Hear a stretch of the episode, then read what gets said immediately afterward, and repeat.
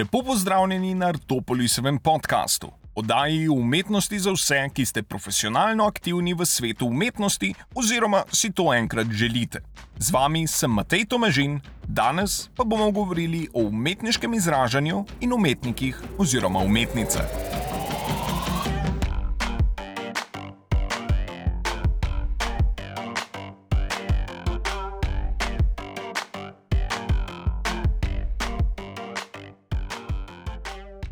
Kot uvod si uglejmo razliko med dvema pojmoma: umetnikom in umetniško produkcijo.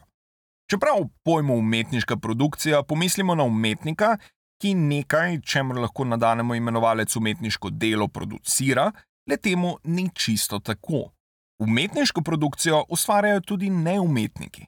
To postane očitno, če pogledamo pojav 20. stoletja, art brut ali outsider art. Termin art brut propagiran strani slikarja Žona de Buffeja, je bil uporabljen za opis oblik umetniškega izražanja izven ustaljenih meril takratnega umetniškega sistema. V to področje vključujemo dela avtističnih in drugih posameznikov, ki so med svojim razvojem razvili mentalno neravnovesje. Podoben pojav pa odkrijemo tudi, če gremo dovolj nazaj v zgodovini človeškega razvoja, preko sprehoda v kakšnem naravoslovnem muzeju. Tam naletimo na artefakte, ki sicer nikoli niso nosili naziva umetniško delo, katerih izdelovalci tudi niso bili umetniki, temveč obrtniki. Prav pri takšnih predmetih, kot so poslikane lončene posode, pogrebne maske in podobno, lahko opazimo spremembo statusa iz predmeta obrtne dejavnosti in njegov prestop v sfero umetniških predmetov. Leta pa se zgodi večinoma zgolj v pogledu nazaj.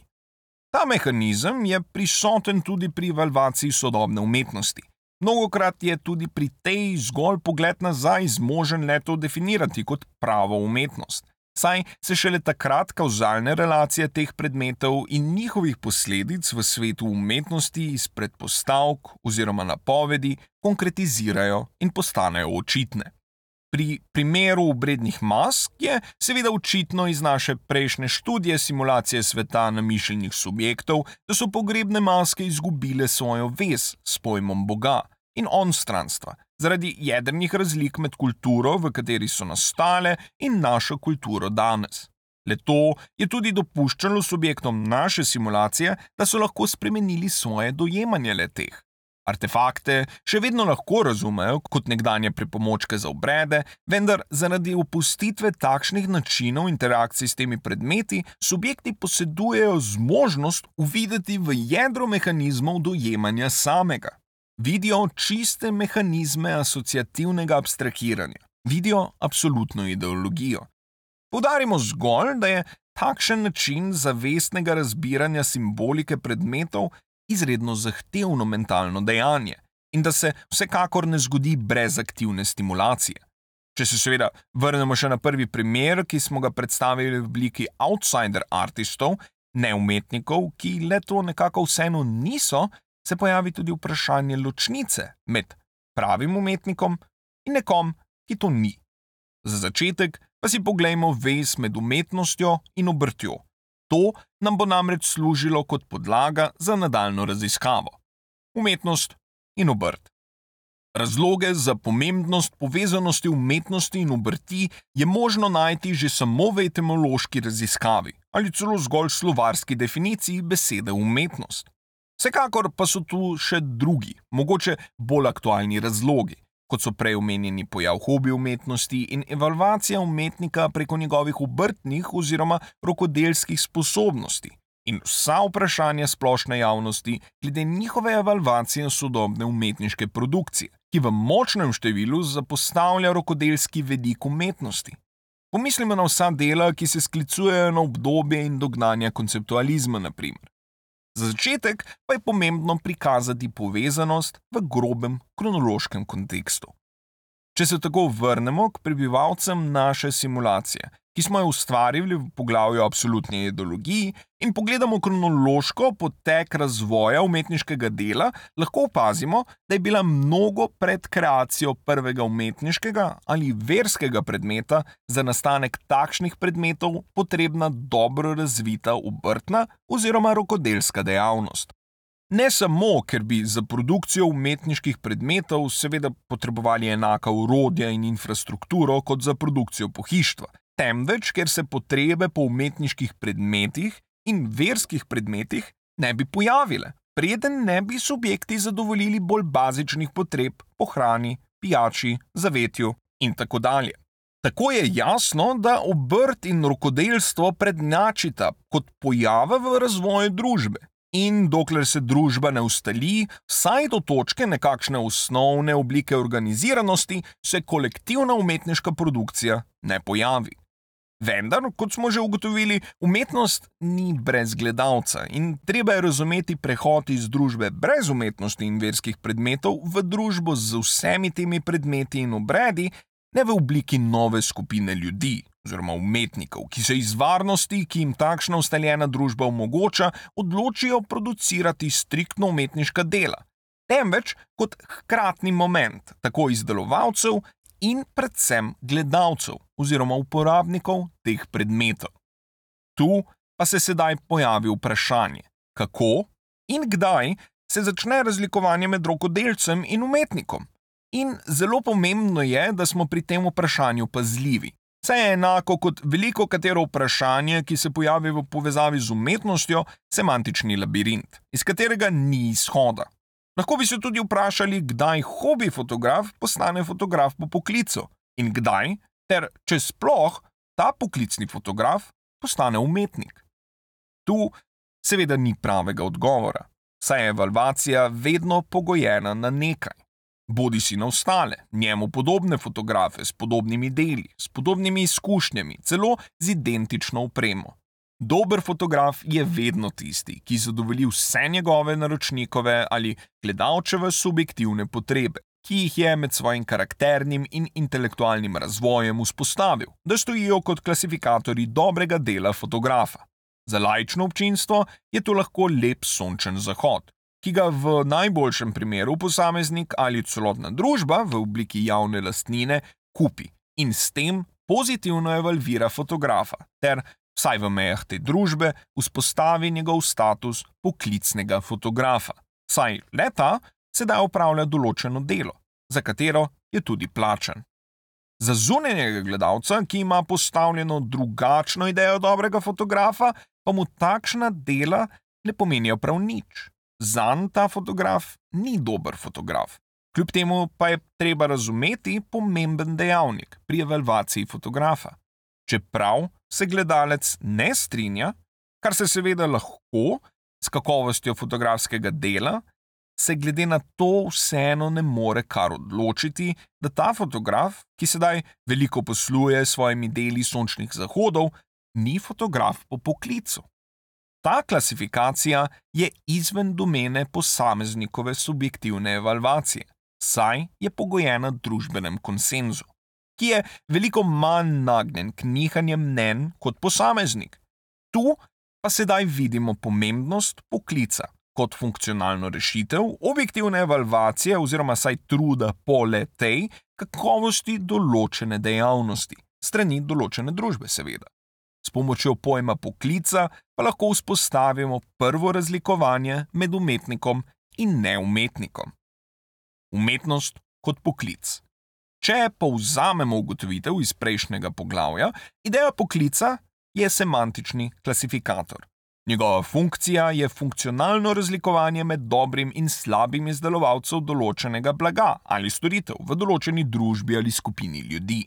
Pomembna je sicer tudi ugotovitev, ki se vedno bolj kaže v ideji tako imenovanih freelance poklicev oziroma svobodnih samozaposlenih posameznikov, da je ideja poklica kot takšnega precej arhajična in da se že kažejo pomankljivosti v njeni rigorozni omejitvi izvajalca tega poklica na zgolj ta poklic. Drugače rečeno, če si zidar, si zidar, ne pa tudi keramik. Kljub temu, da veliko posameznikov deluje kot oboje in to veliko krat tudi bolj kvalitetno in uspešno kot tisti, ki upravljajo zgolj eno takšno dejavnost.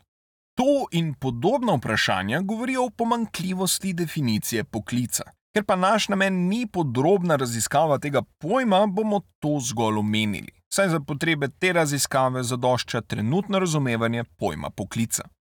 Če sedaj nadaljujemo z raziskavo poklica, pridemo ponovno do nekakšne izpeljave Dantove institucionalne teorije umetnosti. Pojavi se namreč tudi vprašanje akademije in institucije.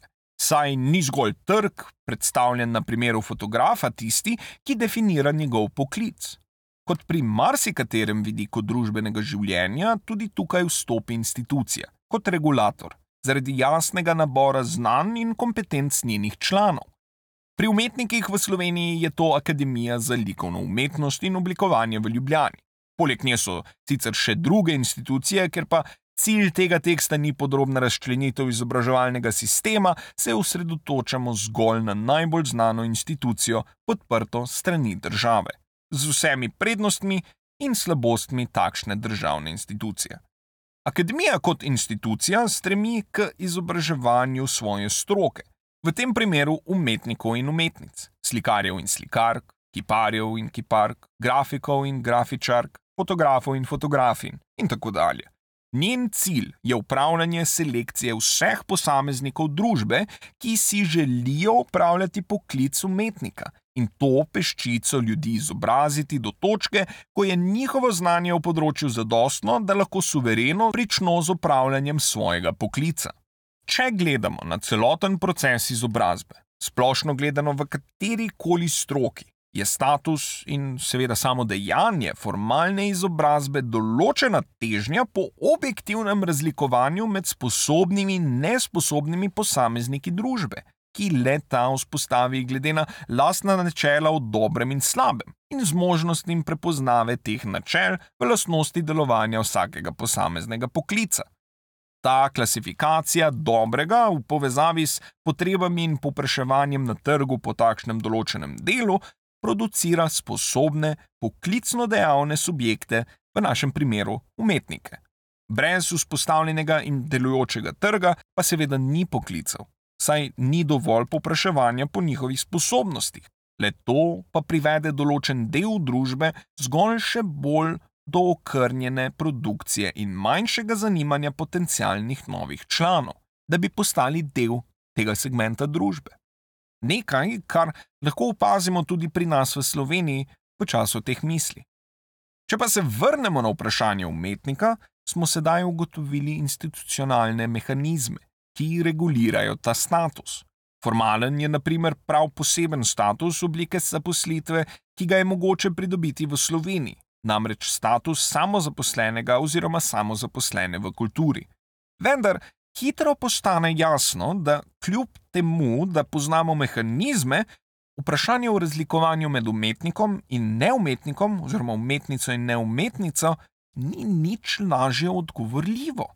Lahko pa iz njega izpeljemo opažanje. Pomislimo na prej omenjeno metaforo semantičnega labirinta.